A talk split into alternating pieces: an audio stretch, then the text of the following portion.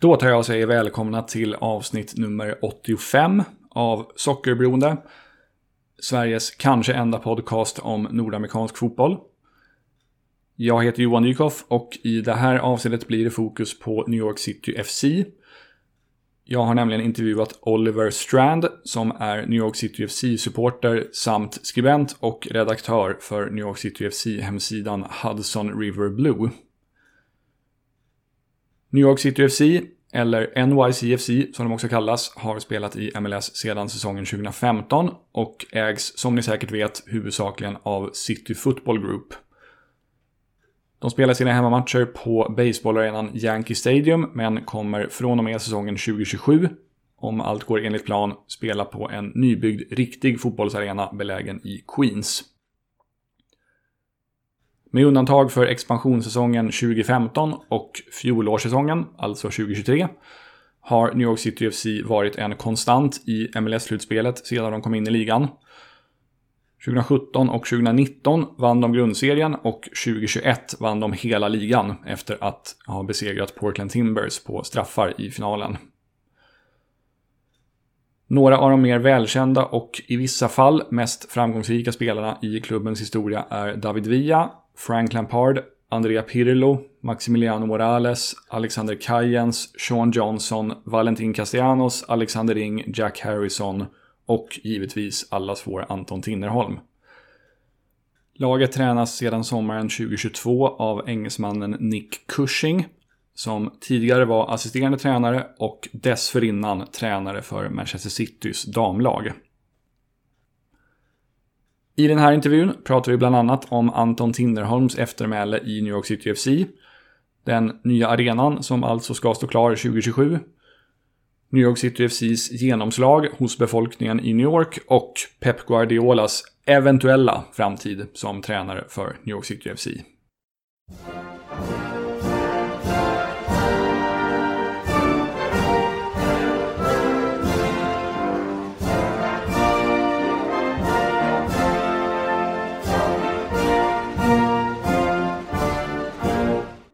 So to start off, since this is a Swedish soccer podcast, I would like to ask you how Anton Tinnerholm is remembered among NYCFC fans. Um, he is much loved and he will always be loved. Uh, he was an extraordinary player. He transformed that position. Um, I think in MLS um, in general, but but definitely specifically at NYCFC to go and turn the right back into this overlapping part of the attack. Mm. Uh, that kind of play is, you know, it's common in England. It's common in in many of the larger European leagues. It was not seen in MLS at that time. So for him to have that skill on both ends of the field was just extraordinary. Also, his personality. You know, he was really low key, but also really intense at game time. Um, I think the fact that there weren't a lot of Swedes who were in MLS at the time I think it's become a much more European league, and now there are more Swedish players, but it's much more common to get Americans or Latin Americans. And so for him to come and show this drive and intelligence and physicality and technical skill mm. uh, was all just really, really exciting. And he came through for the club in some really, really, really big moments. Um, so he will always be loved and appreciated uh, in New York. Do you rate him like as one of the very best defenders in NYCFC history? Absolutely. Yeah, yeah, yeah. There, there, there is is absolutely no question about that. I think that the injury was a tough blow for him um, and for the team as well. Mm. As you know, the nature of MLS is that there isn't a lot of depth. You know, that whole idea of having two starters for every spot just doesn't exist it turns out that his understudy, this guy named Tavon Gray, who at the time was really young, I want to say he was 19, um, ha- has come through and has proved to be a very good and capable right back. Mm. But at the time when he was taken out of play, it was just devastating to the team because he was so important in the attack and he was so important in the in, in in the defense, and he was a big part of that title winning year, even though that's when he was injured. Right. Um, he's, as you might know, he's back in Sweden now, and he's unfortunately he's had uh, injury issues this past year as well. So um, he's not been playing much, unfortunately. Yeah, well, um, that's the thing about age. Uh, mm. As um, a friend of mine who's a doctor likes to say, uh, it sucks to be trapped inside the body of a dying animal, which is what all all people are. And so you see that. So the enter so so the Tinnerholm of now is simply not the Tinnerholm of 2019, you know, of 2021. And that's just what happens. Um, I spoke with him a couple times and and and I had one-on-one conversations with him, and I found him to be very thoughtful and very intelligent and very present, um, and just just like a good a good dude, a good dude all around. Yeah, he's been on this Yeah. podcast not too long ago, and he, yeah, I can I can confirm that he's a really really nice guy. Yeah. Yeah. Um, what about uh, Gudmundur Thorarinsson? He's not Swedish, but he's well known in Sweden because he he- played there for several seasons. Yeah, he was also um, important. I would say he wasn't as an, as intrinsic a part of the team. Um, I think that you know he he was a sometimes starter, but he had that really important um, kick, a free kick in the title winning year. I Mm. don't know how much you know the lore of NYCFC, but in 2021, which is the year that the team won the title, um, the team kind of lagged at the end of the summer. Um, and oftentimes there's a swoon, you know, it happens over the course of every season. And that was going on. And I forget if they were winless or if there was, um, they had lost a number of games in a row anyway. Um, Mm. He took a free kick against Atlanta United and um, it drew the game one to one. And it was just a beautiful free kick. And from that moment on through the rest of the season, the team was unstoppable all the way through the playoffs and up until the title. Mm. So in terms of the in terms of the mythology of NYCFC,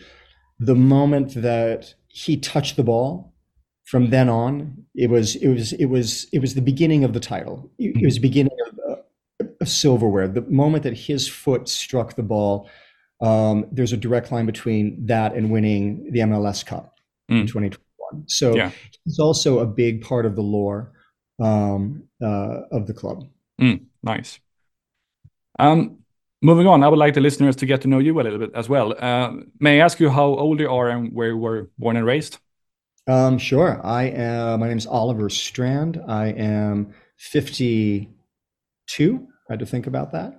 Um, I was born in Chile, raised in Los Angeles. I've been in New York for around 30 years or so. And when and how did soccer become an important part of your life? Well, it was always an important part of my life, and I think in part it's because of my background. So um, I was born in Chile. My dad is from Chile, my mother from the U.S., and I grew up in Los Angeles in the 1970s when there was um, the NASL, which Mm. was not a very good league, but it was there, and I would go and watch the Los Angeles Aztecs play and the California Surf play and um, the Los Angeles Lasers of the Indoor Soccer League, um, but would also just go and play with him. And it's funny, he's from the south of Chile, which is around where I was born. I was born more in the middle of Chile, but he was from the south of Chile. And the town where he was from has all these really nice low um, waterways. Mhm. And so the two big sports in his town were basketball and rowing, crew.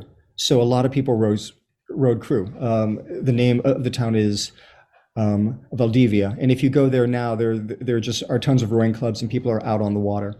When we came to the U.S., everybody was like, "Ah, you play soccer, right?" And he was like, "No, I I, I- play basketball and I row crew." And people would kind of look at him, it's like, "No, no, no, you're you're you're from South America, so you play soccer." It's like, "No, no, I I I, I used to row crew." Um, but like a lot of things, um, you know, his kind of okay schoolyard skills were better than most Americans were in the 70s. So we, we began to play a lot. And Los Angeles is a very diverse place. It's always been a very diverse place. And so we joined these leagues and, you know, there were just tons and tons of Latinos out there in that, in those leagues. So that was like our, our world and our community. Um, so I grew up playing and I grew up aware of his team, which is Colo Colo. And at the time, obviously, no internet, no cable TV. So there's like no news of this team. You know, like we would get a letter from his dad that would say, "Oh, they won this game like three months ago" or something like that. Um, but I was I I I was raised in the stories of that team and the team that he would go and follow as a kid. So I was just aware of soccer as being really important and really fun at a Mm. time when it was pretty marginalized in the United States. That said, if you were a Latino in Los Angeles in the 70s, it wasn't a marginal sport. It was Right. a central sport. You know, it's it's what it's what you did. It's what we Mm. did with our friends. I see. At what age did you move to the US? I moved to the U.S. when I was two, so when Oh, I was okay. really young. Yeah, so I grew up mostly speaking English, and because my mom was American, you know, we spoke English around the the household. But in other ways, you know, um, Los Angeles is a funny place because it's so multicultural. It's Mm. and there are so many places like like there was even a Chilean restaurant in Los Angeles, and we would go there when I was a kid. So I grew up with the food and with the stories and with and with other parts of the life. And Mm. then I was also a Los Angeles kid, so it's like, you know, I skateboarded in in Venice. Like that was the other thing I would do. So I grew up playing soccer out in parks and and skateboarding in Venice Beach. I see. Yeah. Um, so you mentioned you you lived for uh, about 30 years in New York City. Mhm. Uh, yeah.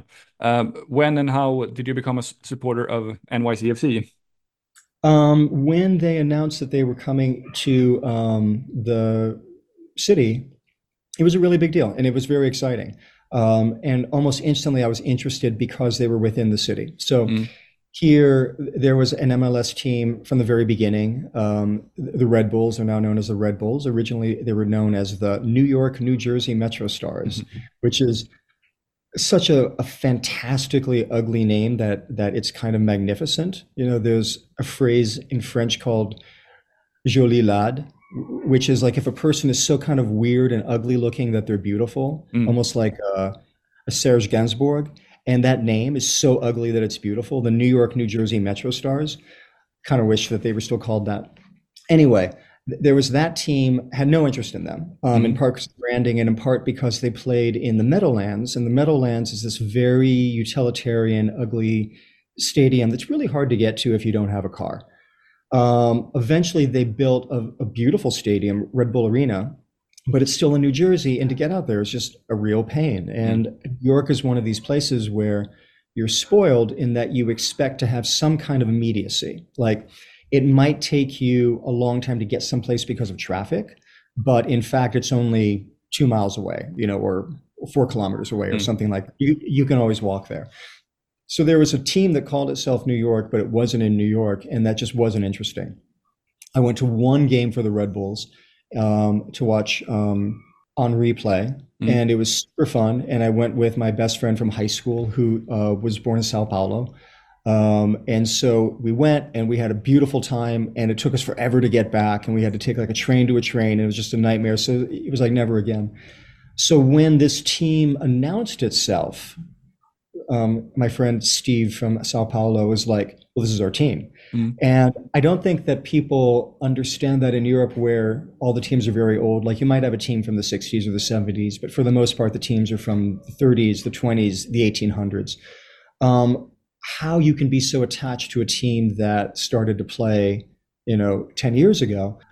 If you live in a city like New York and you don't really have a soccer team, a football team, like you're told you have one, but it's it's not actually yours, all of a sudden to have one that shows up in the city is just so deeply, deeply exciting. Mm. And then the announcement that David Villa would play, that like a legitimate player who might not be starting for a major European club at that time, but would definitely be the number two striker for a major European club, or the number one striker for you know a more a more mid-table club that he was going to play in New York was Mm. just thrilling.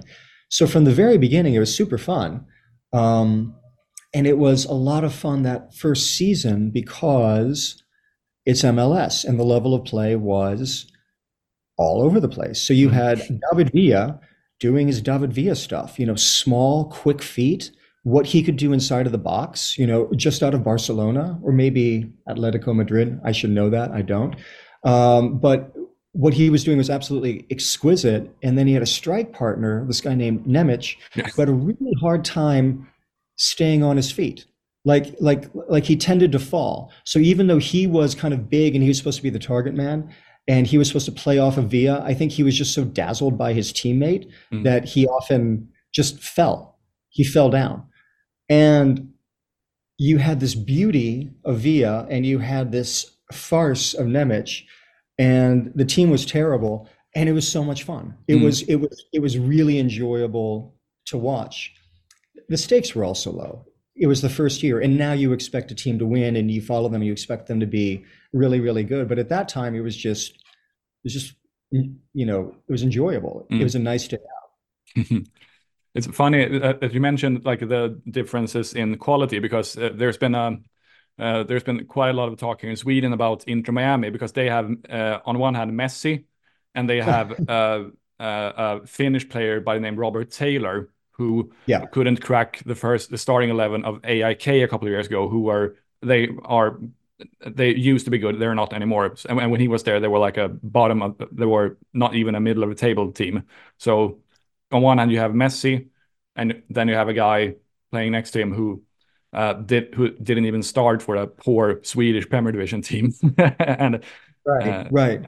Well, I can't speak to the quality of Sweden, but there is a problem in Europe where there's this kind of embarrassment of talent. There's just a lot of talent, and um, there are a lot of um, backup players. There's kind of like an accumulation of players, and there isn't always necessarily a great vision. And I think there's a lot of squandered talent. And there's an example of that with NYCFC. So there was this player named Jack Harrison, Mm. and Jack Harrison. Um, I think was tapped by Manchester United Academy. Again, I should know that, but I might be getting that wrong.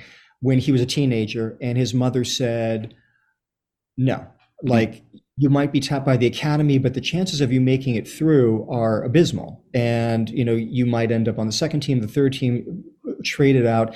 They have." When you have that many players, you'll kind of go for the low hanging fruit, relatively speaking. Like, obviously, this kid is a star these others are great, but we're not going to necessarily invest in them. We're just going to go with that kid. Mm. So she pulled him out of the academy, um, went to a boarding school in the United States, in Massachusetts, to the Berkshire Academy, where he was, you know, the best player in New England throughout his youth. Was affiliated with NYCFC Academy, but but only in the lightest of ways. Went to college, um, entered the super draft for MLS. NYCFC traded for him, brought him in. He became the strike partner of David Villa. And at the time, Lampard was still on the team. So he really learned from them. And then his contract was bought out by Manchester City, was at Middlesbrough, and then was Leeds, um, and then brought Leeds up. Mm. And now that Leeds is down to the championship, he's on loan at Everton. And uh, he just scored Mm. this morning um, against uh, Tottenham.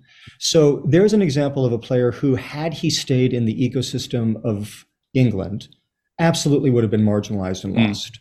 You know, he probably would have been like 21 or 22 and just kind of pushed out. But to come to the United States where his talent was so appreciated, they could really cultivate him. And at NYCFC, for him to be taken under the wing wings of Villa and Lampard, Mm. because they saw more of themselves in him, that never would have happened in Europe right, and he never would have ended up at Leeds, and he would never end up, um, you know, a regular starter in in the in in the top tier. And now I think Mm. he's worth like fifty million or forty five million or something like that. I think he was sold for four million. So it's a very long explanation to say that at times that abundance that you have in Europe is actually a liability Mm. because here, if you have talent, like you really really invest in it, and there it's like ah yeah, yeah. Mm. We'll we'll we'll go and favor these two kids and leave these other ten aside. When actually, one of those ten is probably a Jack Harrison. right, right. And I think also just a change of environment in itself can actually be beneficial. Uh, I think, absolutely. Yeah. Um, today you are the executive editor of Hudson River Blue. Is that correct? That's right. Yeah. Yeah. Can you give us like a brief rundown of your years of covering NYCFC? Um, I took over Hudson River Blue a little over two years ago. Um, it was a website that was started um, as a part of the of the SB Nation network of MLS websites, which was controlled by Vox, a very large media company. Mm. And a little, well, about a year ago, we got the news that that Vox was going to go and cut off um, pretty much all of its MLS coverage, including us. So we are now independent, um, no longer part of the Vox network. And it's interesting. Um, this past year, we had our highest readership ever. Mhm. So um, I think in part there's just an interest in MLS, and an interest in soccer. Um, but as a site, we're growing um, in spite of the lack of support of that large media group. Oh, nice! Congratulations, yeah. I have to say. Um, yeah. And, and for people uh, listening to this uh, who don't are not aware of SB Nation, it's I'll tell the Swedish. It's basically Svenska fans, but in the US. So uh, it's uh, basically supporters covering their favorite teams in uh, in the various sports. You took the words right out of my right out of my mouth. That's exactly what I was going to say. It's just yeah. like that. that yeah. um, moving on to NYCFC, we talked about uh, Anton Tinnerholm before, but apart from him, who are, in your opinion, like some of the all-time greats for NYCFC? Um, Maxi Moralez, um, mm-hmm. who has returned to the team. He is Argentine. He's now 36. He's a playmaker. He's creative and he was a part of a generation that was very interesting. Like he's actually um, like a part of that generation with um, Angel um, Angel Di Maria yep. and um, um, Higuain. And um, when he was young, he was with the youth national teams, and I want to say he won either a Youth World Cup or Olympic medal or something like that. But then it's a very political system and he was marginalized a little bit. And um, he didn't get the call-ups that he probably deserved. He went on to atalanta where he was the playmaker there. And then he was in mexico. And then he came to new york. And he's one of the players who really transformed the team.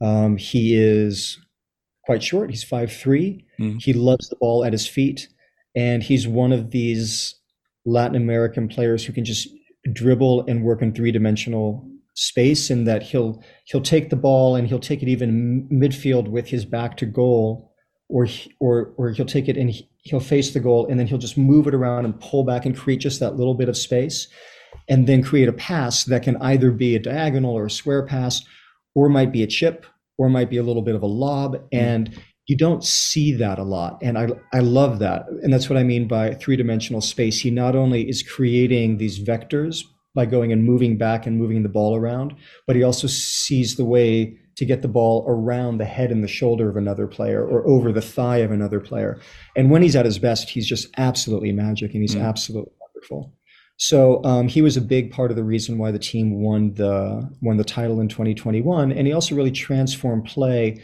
not only in New York, but in MLS. MLS before that, I think, was very much about it's a little bit what they talk about. It was in the UK in the 70s, in the 80s, where it was just like you ran up and it was physical and the, and and if you were in defense you just want to kick the ball up and if you mm. were an attacker you just kind of ran at the goal like it was all vectors and it all went right towards the goal you didn't really go out into the wings you really didn't go and pull the ball back and when he came in it was him Villa was already with the team, and uh, the new head coach was Patrick Vieira. Mm. And with this new mentality in place, and with a playmaker who was a legitimate, marvelous playmaker, it turned New York into a very different team, into kind of what we call, you know, the City Football Group way, because it's a part of the City Football Group family, where it is about possession and creating, you know, possession and creating, and possession mm. and create and so he's he was really important for the team. He is important with the team now. He's injured and he's old,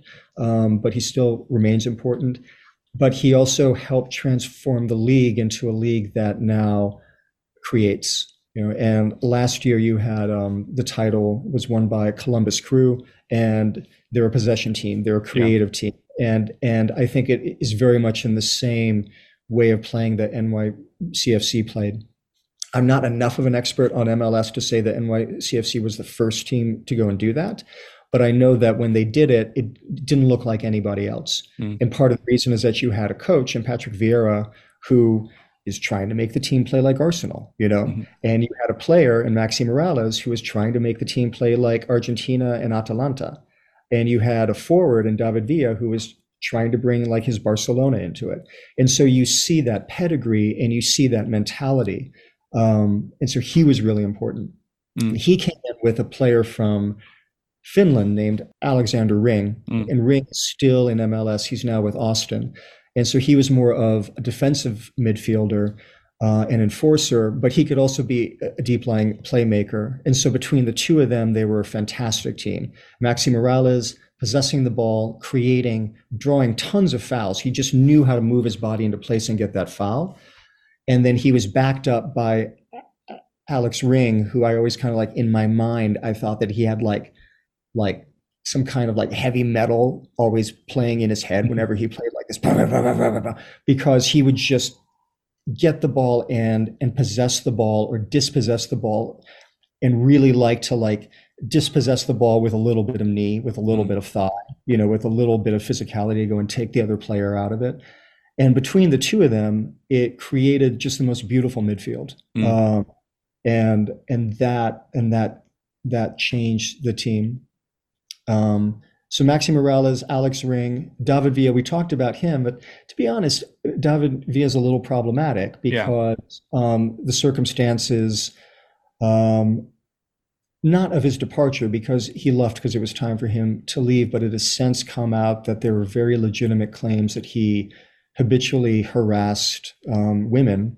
mm. at the club, and specifically this one woman. And while nothing has ever been acknowledged and nothing has ever been um, yeah, acknowledged publicly. The claims were well reported in an article by The Athletic and well supported and never fully denied. And it's hard for, you know, the best player in the history of the club, one of the hmm. best players in MLS, to um, have this other part of uh, of him really kind of tarnish his reputation. So, one of the best players for NY CFC without any question. Um, I don't think you're going to see a banner of him when no. they build the new stadium uh, in three years. Mm. And it's not really mentioned. And normally, if you have a player who's that good, the club will mention them as a part yeah. of the legacy. Maxi Moralez, huge part of the legacy. You know, he absolutely will have will have that banner up there. You know, the, there are the famous ones like Pirlo and Lampard, and I think that they played a very important role to put NYCFC on the map and make MLS interesting to Europeans. Mm. It didn't bring much in terms of play. I think they brought a lot in terms of leadership and experience, but they didn't actually do much in terms of play. Um, Tati Castellanos is probably he and Jack Harrison are the two most important products to come out of NYCFC. Um, and aside, there are two players who came through the academy. Um, Joe Scally, who's uh, um, at um, where is he? Mondelbach at Gladbach. Yeah, Borussia Mönchengladbach. Yeah. Yeah. Um, and uh, and and Gio Reyna, who's now at Nottingham. Um, but they had a tangential relationship with NYCFC. They were part of the academy when it was very new. They weren't necessarily developed mm. in the same way that that Jack Harrison was actually was brought in and developed and had had had um, was turned into the player he is now in part because of the coaches. Mm. Uh, Tati Castellanos is probably the greatest product to come out. So he won the Golden Boot in 2021 when the team won the title. Um, Argentine, uh, first contract in Chile, and then was in Uruguay, and he was fine. You know, he was an attacking mid midfielder as I mentioned, I'm from Chile, which means that I'm allowed to be very rude and dismissive of Argentines. Like, like that's okay. I can say whatever I want. And uh, honestly, he he annoyed me at first because he was an Argentine. Like whenever he could flop, he flopped. Mm. And so me and my friends in the stands, like I got them to shout El Flopito, like not an, because he was El Flopito, like mm. like like just flop and flop and flop and it was really annoying and and he didn't look like anything special. And then he just got this focus. Uh, he bulked up. It's a it's a very physical league and i think that foreign players who come are surprised by how strong and physical it is. The defenders are very big and very strong and very powerful and mm. he bulked up. So one of the things that he did was that his upper body changed so that his arms and chest became really really strong um, so that he could hold off all of of of the of the people who were coming after him and defenders. And um, he just stopped flopping and mm. he started to take his shots and he turned into just the most magnificent attacker. And he was such a menace in MLS where every team that he played, you could just see them say like, "Oh God, like like he's probably going to score." Whenever he was on the field, he transformed the team, and he didn't always score, but he always created space. They mm. always had to double team him. They, he, if he ran into the corner, he would pull two or three defenders with him and open up the middle of the box for these other players. Mm. And he would do that. He was very much a team player. He wasn't just a scorer; he also assisted. And when that title run started, he he scored in every playoff game that he played in. He also got a red card, so he missed a playoff game. But it's pretty incredible to be the top scorer in the league, for every team to know that he's your number one threat, for every team to put everything and watch all the tape and do everything they can to take him out of the game and to foul him and to hack him and to double team him in the most important games of the season, and he mm. still scores. Yeah. And he found a way to score in every game. um, and now he's at Lazio, and Lazio is kind of a dumpster fire of a team under Sarri. So he's put in a position where there's this huge expectation that he score goals, um, and the team isn't necessarily geared for it. But he's also trying to replace the captain and one of the Italian greats in Immobile, and it's kind of hard over there. It's not turning out exactly as as he wants. But last year he was in Granada and he famously scored four goals against Real Madrid. Yeah. You know, the first time that that had happened, I want to say since the 40s or the 50s. Again, I should know that. um, but it'll be interesting to see if for Lazio, um, if they build the team around him or if they give him the support that he needs, because he's totally capable of winning the Golden Boot mm. in Italy if the team supports him. He's not going to do it if he's the sometime starter for a team that doesn't really have a coherent attack, which is mm. what Lazio is right now. Um, but that's also the excitement of MLS, and this is what I mean. So you take a guy who like had like five games in Chile and 20 games in Uruguay, and then you turn him into the most exciting attacker in MLS, mm-hmm. and that guy goes to Spain and scores four goals against Real, and is now at Lazio um, and that's what MLS has to do. You have to find that player. You're yeah. like, oh, you know, we want to sign that 20 year old who has nine games to his credit because we feel that he could be a major international star. Um, and the magic of MLS is when is when that happens. Mm. Yeah. Speaking of that, and also um, speaking of uh, like the big name older players like Villa, Pirlo, and Lampard, uh, it seems like NYCFC have in recent years moved away from signing those sorts of players, um, and instead um, today NYCFC have Thiago Talismano and Santi Rodriguez as their designated players. How do you feel about this like shift of strategies or whatever you want to call it? Well, I think it's great because I think that you see it paying off in people like Jack Harrison and um, and Tati Castellanos, and you see it in other players as well who are really, really good. Last year was a rough season because a lot of really good players had reached a point in their contract when they rightfully expected more money. Ah. Uh, and the MLS salary cap is such that it's really hard to go and keep those players. So this is a league where you have a couple players who make a few million dollars a year. And then you have a couple players that make 600 to like 600,000 to about a million dollars a year. And then you have to have a lot of talented players who make two or $300,000 mm. a year.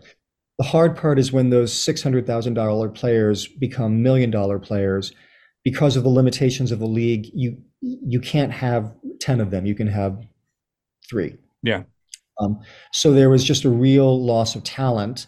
Um, and the team last year is the youngest in club history and it was on paper the second youngest in MLS.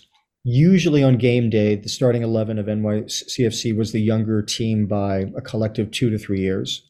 Um, it was a very, very young team. And it was a hard year. It was a hard year because they just didn't have the experience and they didn't have the cohesion to win games. But it's also exciting because there's a bunch of young players. Um, so at the the end of the year in the secondary transfer window, they signed this young player named Julian Fernandez, mm. and he's the right wing from Argentina, um, 19 now. And he's when he runs, he's like a deer. He's like really tall and lanky, and he just has this beautiful loping speed. Um, he's technical, but he also has this really nice arcing long shot. And by the end of the season, he was scoring beautifully. I, um, he scored against Miami um, in this in a friendly that took place after the postseason, or um, I don't know if it was after the postseason or before during the postseason. Anyway, um, I don't know if your listenership know about the Noche d'Or. Probably not. No. I would guess.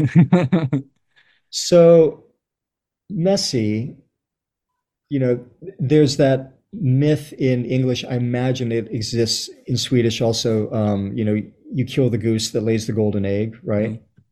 So you've got a goose that lays a golden egg. You get one gold egg every so often. Isn't that fantastic? Well, then obviously what you should do is get all the golden eggs out of the goose. You should go and kill it. That's what Messi is. So um, Inter Miami did not make the playoffs. Messi won um, his eighth um, Ballon d'Or. Mm. So Inter Miami decided to celebrate with a one off friendly game after the season called the Noche d'Or. So a little bit of Spanish, a little bit of French, a little bit of English. So it was the Noche d'Or. Mm-hmm. And it was between Miami and NYCFC. And they had like gold fireworks and they had like special margaritas at the stadium that were $8.88 because it was this eighth golden. Ah, right ball, so 888, all these other things, completely ridiculous. And the whole idea is that you know he's the best player in the world. Um, they're playing in Fort Lauderdale in front of their fans. They have all these other things they're supposed to win. Um, NYCFC won, and the only Argentine to score um, was NYCFC's Julian Fernandez. Mm-hmm. You know, so the 19 year old who just came up from racing um, he scored this beautiful goal, and, mm. New York won two to one. So we've got this 19 year old. Um, yesterday, Friday, uh, February the 2nd, the team signed another 19 year old, another winger named Augustin Ojeda. Mm. Uh, and he is regarded as maybe being one of the best prospects to come out of Argentina. And so it's interesting. We're going to have this attack where you have Talles Magno, who I think is 21 now, and he's the senior attacker mm. because you've got him, and then you have a 19 year old and maybe another 19 year old. The striker is 22. I think that's right. Again, I should know all these. Monsef Bakrar. Let me let me look that up. He is. Uh, he just turned 23. So he just turned 23. There we go. Um, so that's going to be the attacking line. And now they're talking about a Serbian coming in that Manchester City want to sign mm. and then put on loan at NYCFC so that he gets game time. And he's 18. So you could have this attack that's like a 19 year old and a 19 year old and either an 18 year old or a 23 year old and then a 22 year old. And mm. that's going to be the attacking line. Um, it's very exciting. Yeah. It's going to be very fast there are also going to be a lot of mistakes. So, is this a good policy? Absolutely. Is it, it fun to watch? Yes. Mm. Um, is it going to win every game? No, absolutely mm-hmm. not. You know, they're going to make all kinds of mistakes. And you also have to wonder about what it's like to be an 18 or 19 year old and all of a sudden like you're living in New York alone. Mm. You know, because they have to come up and do this. This isn't this isn't going to a small town in Spain or a small town in in the UK or in Sweden. This is this is moving into New York as an 18 or 19 year old and trying to be an athlete, trying to be an elite athlete. Mm. So um, it'll be interesting to see how they adjust mentally to all of that. Yeah. But that's what the team is right now. Potentially, we could have a starting 11 with four teenagers on it mm. because um, the right back um, is this guy Mitja Ilenic from Slovenia, and he just turned 19, and he's a fantastic player. So you could have a 19 year old, a 19 year old, a 19 year old, and an 18 year old all in the starting lineup. Mm. And it looks like on game day, the oldest player is going to be Thiago Martins, our center back, who is 28. Mm. So that's a seniors again. The only player on the squad over the age of 30 is Maxi Moralez, and he's injured. Oh. And the next oldest is Thiago Martins. So you have 28 year olds, 26 year olds, 24 year olds, all the way down into teenagers. It's a very young team, which mm-hmm. is very exciting. Ideally, you know, we're going to see a bunch of Tati Castellanos out there. We're going to see Tati Castellanos on the left, mm. Tati on the right, Tati in the center, Tati at right back, Tati in the midfield. Like, hopefully, we're going to see all of these players with great potential um, who could be stars in Europe, but were maybe a little bit overlooked. And in New York, they'll get the coaching and they'll get the minutes mm. that they need in order to really evolve as players. Yeah. So, despite the team being so young, uh, do you expect them to do better or perhaps much better than last year? Um, it's kind of hard to do worse than last year. Last year was a very disappointing year. Um, the team was not bad in some ways, and in other ways, it was a complete catastrophe. Um, they they just didn't score goals, and and the team they didn't have a striker, so mm. they asked Talles Magno, who's a natural winger, to be striker, and Talles is Brazilian and he's a beautiful dribbler, and he doesn't have that striker mentality of just like, oh, give me the ball, I'm going to go and shoot it. And I mm. think a part of being a striker is you're a narcissist and you're selfish. And so you just shoot and shoot and you fail over and over again and you don't care. Because when you make it in, then then you're God, you're a hero. And Talles never had that mentality. He never had that like, oh, I'm just going to shoot. I'm just going to shoot. I'm just going to shoot. He always wanted to create and move. So we didn't get a striker until the summer transfer window and it really helped the team. He didn't necessarily score a lot, but he made those runs. He had that positioning. If we get this 19 or, the, or this 18 year old from Serbia, then we could have you know two legitimate strikers. So already the team will likely score more goals. Last year, NYCFC had 14 draws, mm. which was just an astonishing number, and a number of those were um, winning positions that were that were lost, and most of those were very low scoring. So it, it, it was a team that rarely scored three goals or more. It was a one goal team, might be a two goal team, oftentimes a zero goal team. If you know, so if you if you go and state the obvious, if this team had scored 10 more goals, they would have gotten 20 more points. Mm. You know, like like just mm. 10 well placed goals would have made all the difference in the season they already have the players who could have scored those 10 goals. Like if any of these players live up to even part of their potential, they've added 25 goals to the team through um, the two players that they've already signed. And if they, if they, or the three players, the two players they signed in the secondary window last year and the player that they added now, there's at least another 25 goals between mm. them. So the team will already do better. The question is, how well will it do? Yeah. Is this going to be a team that makes the playoffs? Probably. Is this going to be a team that dominates the opposition? Maybe. We'll see about that. Um, it certainly has the potential, especially because MLS is such a parity league. The teams that dominate one year very rarely dominate the next. Mm, so FC exactly. Cincinnati, which was really dominant, they lost um, one of their center backs um, and they lost their striker. Mm. Uh, so will they dominate in the same way? No. Will they mm. still be good? Absolutely. But last year, like they were a team to be feared. I'm not sure that they're as terrifying this year, and that's true across the board. So NYCFC has unquestionably improved, no mm. question about it. Yeah. The question is by how much. Right. The teams probably most of them have either many of the leading teams have maybe taken a step back. How far of a step back? We'll see that. So we'll see where those two forces go and converge and how many more wins NYCFC will get. But they will definitely get more wins next year. Yeah. This yeah. Um, I would also like to ask some questions about like the popularity of NYCFC and the buzz around the club in the city. Uh, this will be the tenth season, I think, of NYCFC yeah. in in MLS. Um, how popular and relevant would you say that the club has become in New York City in these uh, nine seasons that have passed?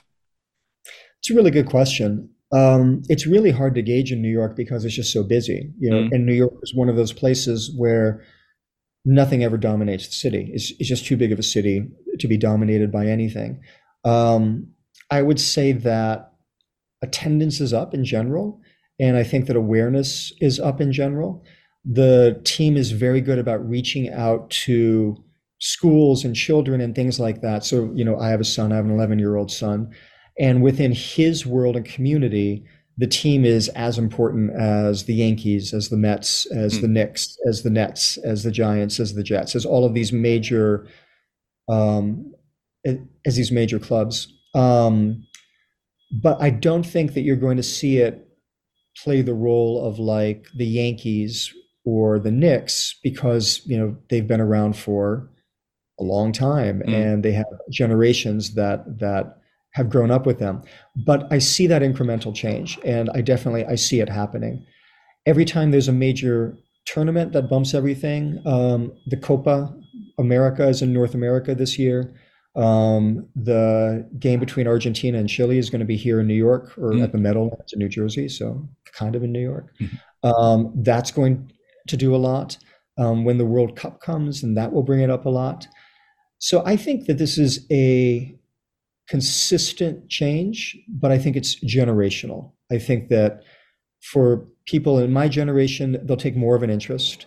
I think that for kids in their 20s and their teens, they're already really interested. And I think that for kids who are younger than that, um, soccer is the future. Mm. Absolutely, it's the future. It's what you play in schools. Mm. You know, there's there there is no question about that. That's that's what you do with your friends, and you kick around a ball like that. Mm. And NYCFC is the home team for for these kids. Yeah.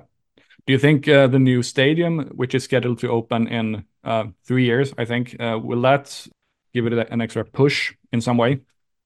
Absolutely. I think I think that that will make um, a big impact. Um, it's going to be a very nice building. We don't have any of the plans yet. S- City Football Group are very professional and they're doing everything right. It's very hard to get anything built in New York. It's very mm. political. Um, it's very complex and it's very expensive. And people are blown away that they're projecting $880 million for a 27,000 seat stadium. So it's, you know, roughly twice the cost of the Allianz Arena for half the stadium. And mm. granted, you know, there's a certain amount of time, but that's New York. Like everything is more expensive in New York and they've done everything right. So one thing is that there's all of this land. The first thing they're going to build is low income housing.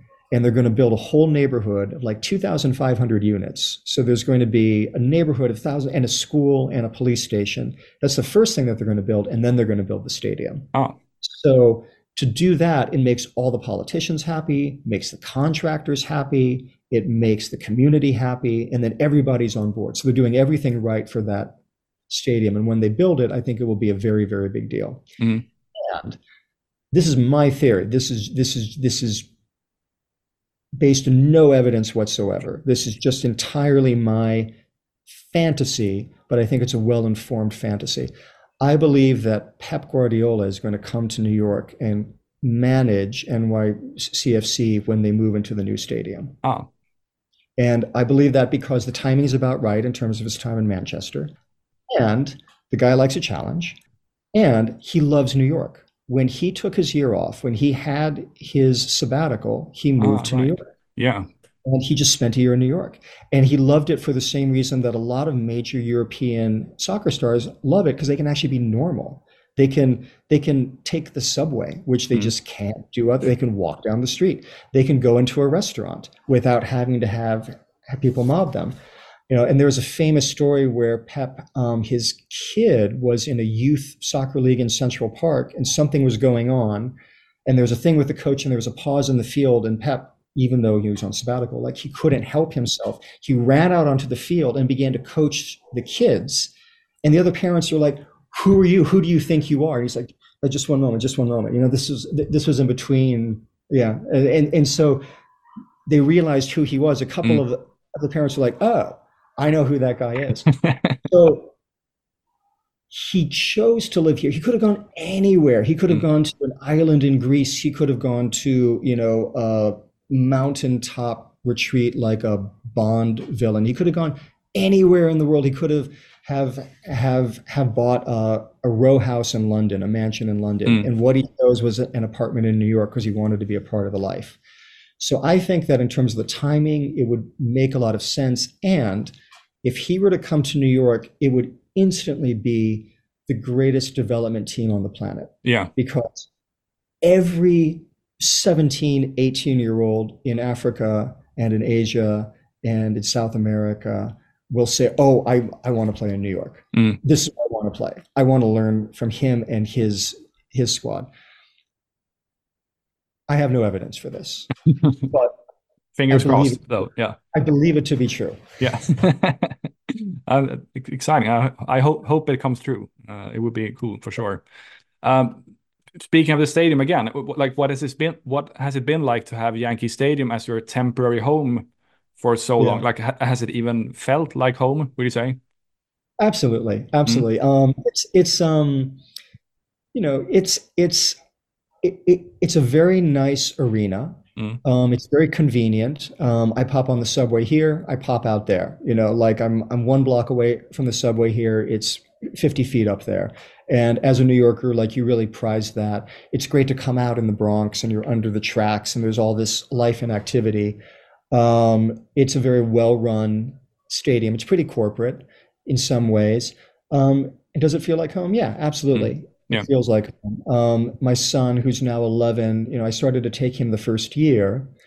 And one of the things you can do in the US is you can take, you know, a toddler to a soccer game. Mm. Like it's safe. You don't you don't have to worry about anything. You know, you can just go and, and so he he already had his NYCFC shirt and then we we turned around into Yankee Stadium and they had a big banner and he saw the banner was the same thing on his shirt. He just lost his little mind. He's like, "Ah, this is my team. This is my team." So in that way it kind of engenders this this this kind of a relationship. Um, th- that said, it's like a terrible place to watch a game. Like I'm at an angle, like I'm staring over here. the best seats at Yankee Stadium are the farthest away f- from the field. Um, it's completely ridiculous. Citi Field also, it's a little bit better at Citi Field. It's also very New York, where if you move here, you don't move here because of the housing stock. You don't move here because of it's a beautiful place to go and live. You move here because of the people, because of the energy, because of the opportunity. And that's why your bathroom is in the kitchen. Mm. And that's why your bedroom isn't a real bedroom, you know? So the whole idea of having like a one bedroom apartment that isn't really a one bedroom apartment, you know, in a kitchen that's not a real kitchen because none of the doors open because it's too small is a very New York experience.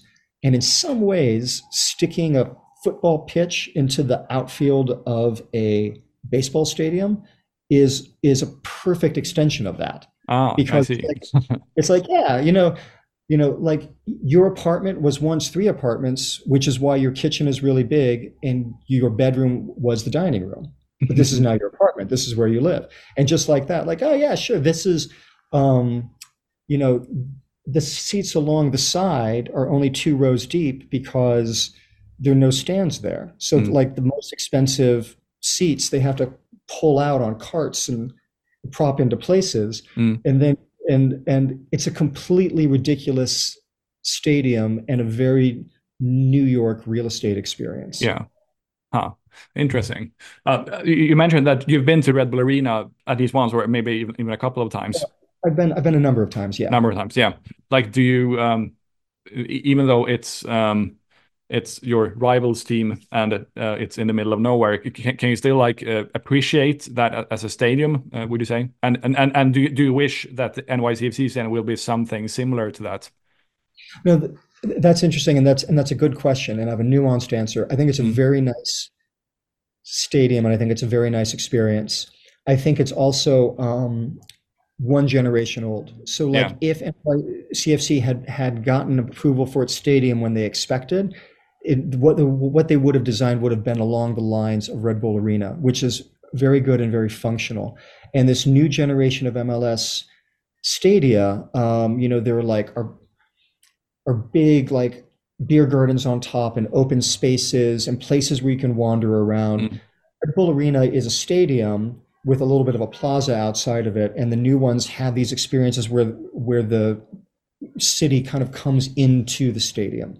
So I think that the new stadium will be more like that. It's actually not a bad thing to have that Mm. delay because I think that the stadium that they will build will have much more of that. Yeah. Um, so it'll probably be a superior stadium. I really like Red Bull Arena. I think it's a Mm. very, very good spot to watch a game. Um, but as an experience, as a full experience, it's not. It's not. It's not a- an incredible experience. No. I've been I've been there. I've been to two games at Red Arena. It, it, was it's almost eight years ago now, but um, I, I agree. It, it wasn't it wasn't a very pleasant experience, like go, walking to the stadium and and so on. The stadium itself is, is really nice, but like the surroundings are just ugh, it's it's yeah. depressing. I mean, like if you look at bathrooms and sight lines and and the roof and mm. the quality of the field, it's all fantastic. Yeah. If you're looking at like the experience of getting food and spending time with people, it's not that great. Yeah. So so hopefully whatever the whatever NYCFC does will be better. Mm. The architecture firm that they hired is very very very good. They're the architects of Mercedes Benz um, Arena in Atlanta. Mm-hmm. You know, which is very original and very interesting. And they're also the architects of um, the new LaGuardia Airport. So New York has three airports, two in the city, one in New Jersey, and mm-hmm. LaGuardia mm. is the oldest and and the worst. And they redesigned it. And it's one of the few times where everybody says, "Oh, that was nice." You know, oh. they actually did a really good job. So that to me is important because it means that they're architects who know how to get things done in New York, which yeah. is a whole other thing because of politics and because of regulation and honestly because of corruption. Mm. So they know how to manage budgets and they know how to manage people they, and they know how to get it done. And I think that it, what they will do for New York's City FC will be will be very good. Yeah, let's hope so. I yeah. would love to go there someday. So I'll I'll show up in 2027 for I would, sure. I, I would love to invite you. You will you will be my guest when you come. Ah, thank you, thank you. Um, before we wrap things up, I would just like to give you the opportunity to give a plug for uh, whatever you want people listening to this uh, to know about. So shoot. Oh my gosh, I don't have anything to plug. Um, register to vote? No, I'm joking. um, well, come and check out Hudson River Blue. Mm-hmm. how about that? HudsonRiverBlue.com. We focus on NYCFC. We also look at soccer all around the New York the New York area. We have a wonderful team uh, in the women's league called Gotham FC, and they just won the championship last year. And they just like they're kind of becoming the Galacticos of the women's league here. They just brought in four incredible players. Okay. Um, and it's kind of interesting to go and check that out and see what's going. And so and so we're covering them. But come and look at Hudson River Blue. Hopefully, um, we will inform you and hopefully we don't take ourselves too seriously. If you find yourself laughing, it should be with us and not at us. Mm-hmm. And if you're laughing with us, hopefully it's intentional. Mm-hmm. Um, because I think that soccer is fun and it should be a source of joy and humor and mm. not anything that's kind of too dire and serious. Yeah. yeah.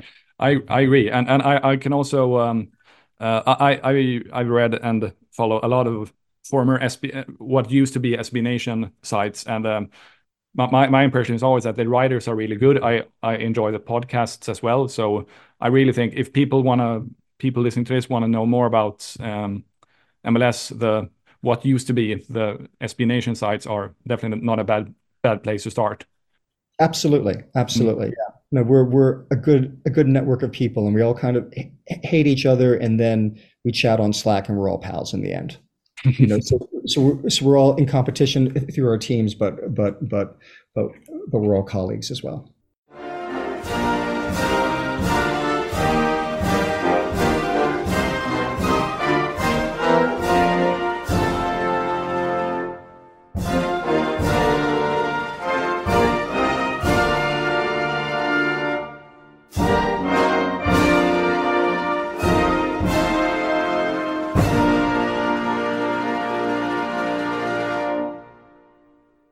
Sådär ja, då tar vi och tackar Oliver Strand för att han tog sig tid att ställa upp på den här intervjun och vi önskar honom allt gott framöver. MLS-säsongen 2024 är ju nu bara ett par, tre veckor bort och vi får väl se om den här säsongen blir roligare än fjolårets för NYCFCs del. Tack så mycket för att ni har lyssnat på det här avsnittet. Innan vi rundar av vill jag tipsa om det nystartade Twitterkontot MLS Sweden. Eh, det är inte jag som ligger bakom det, utan en fellow MLS-entusiast här i Sverige vid namn Alexander Nilsson. Så följ det så får ni ännu bättre koll på MLS. Ha det fint så hörs vi i kommande avsnitt av Sockerberoende. Tja tja!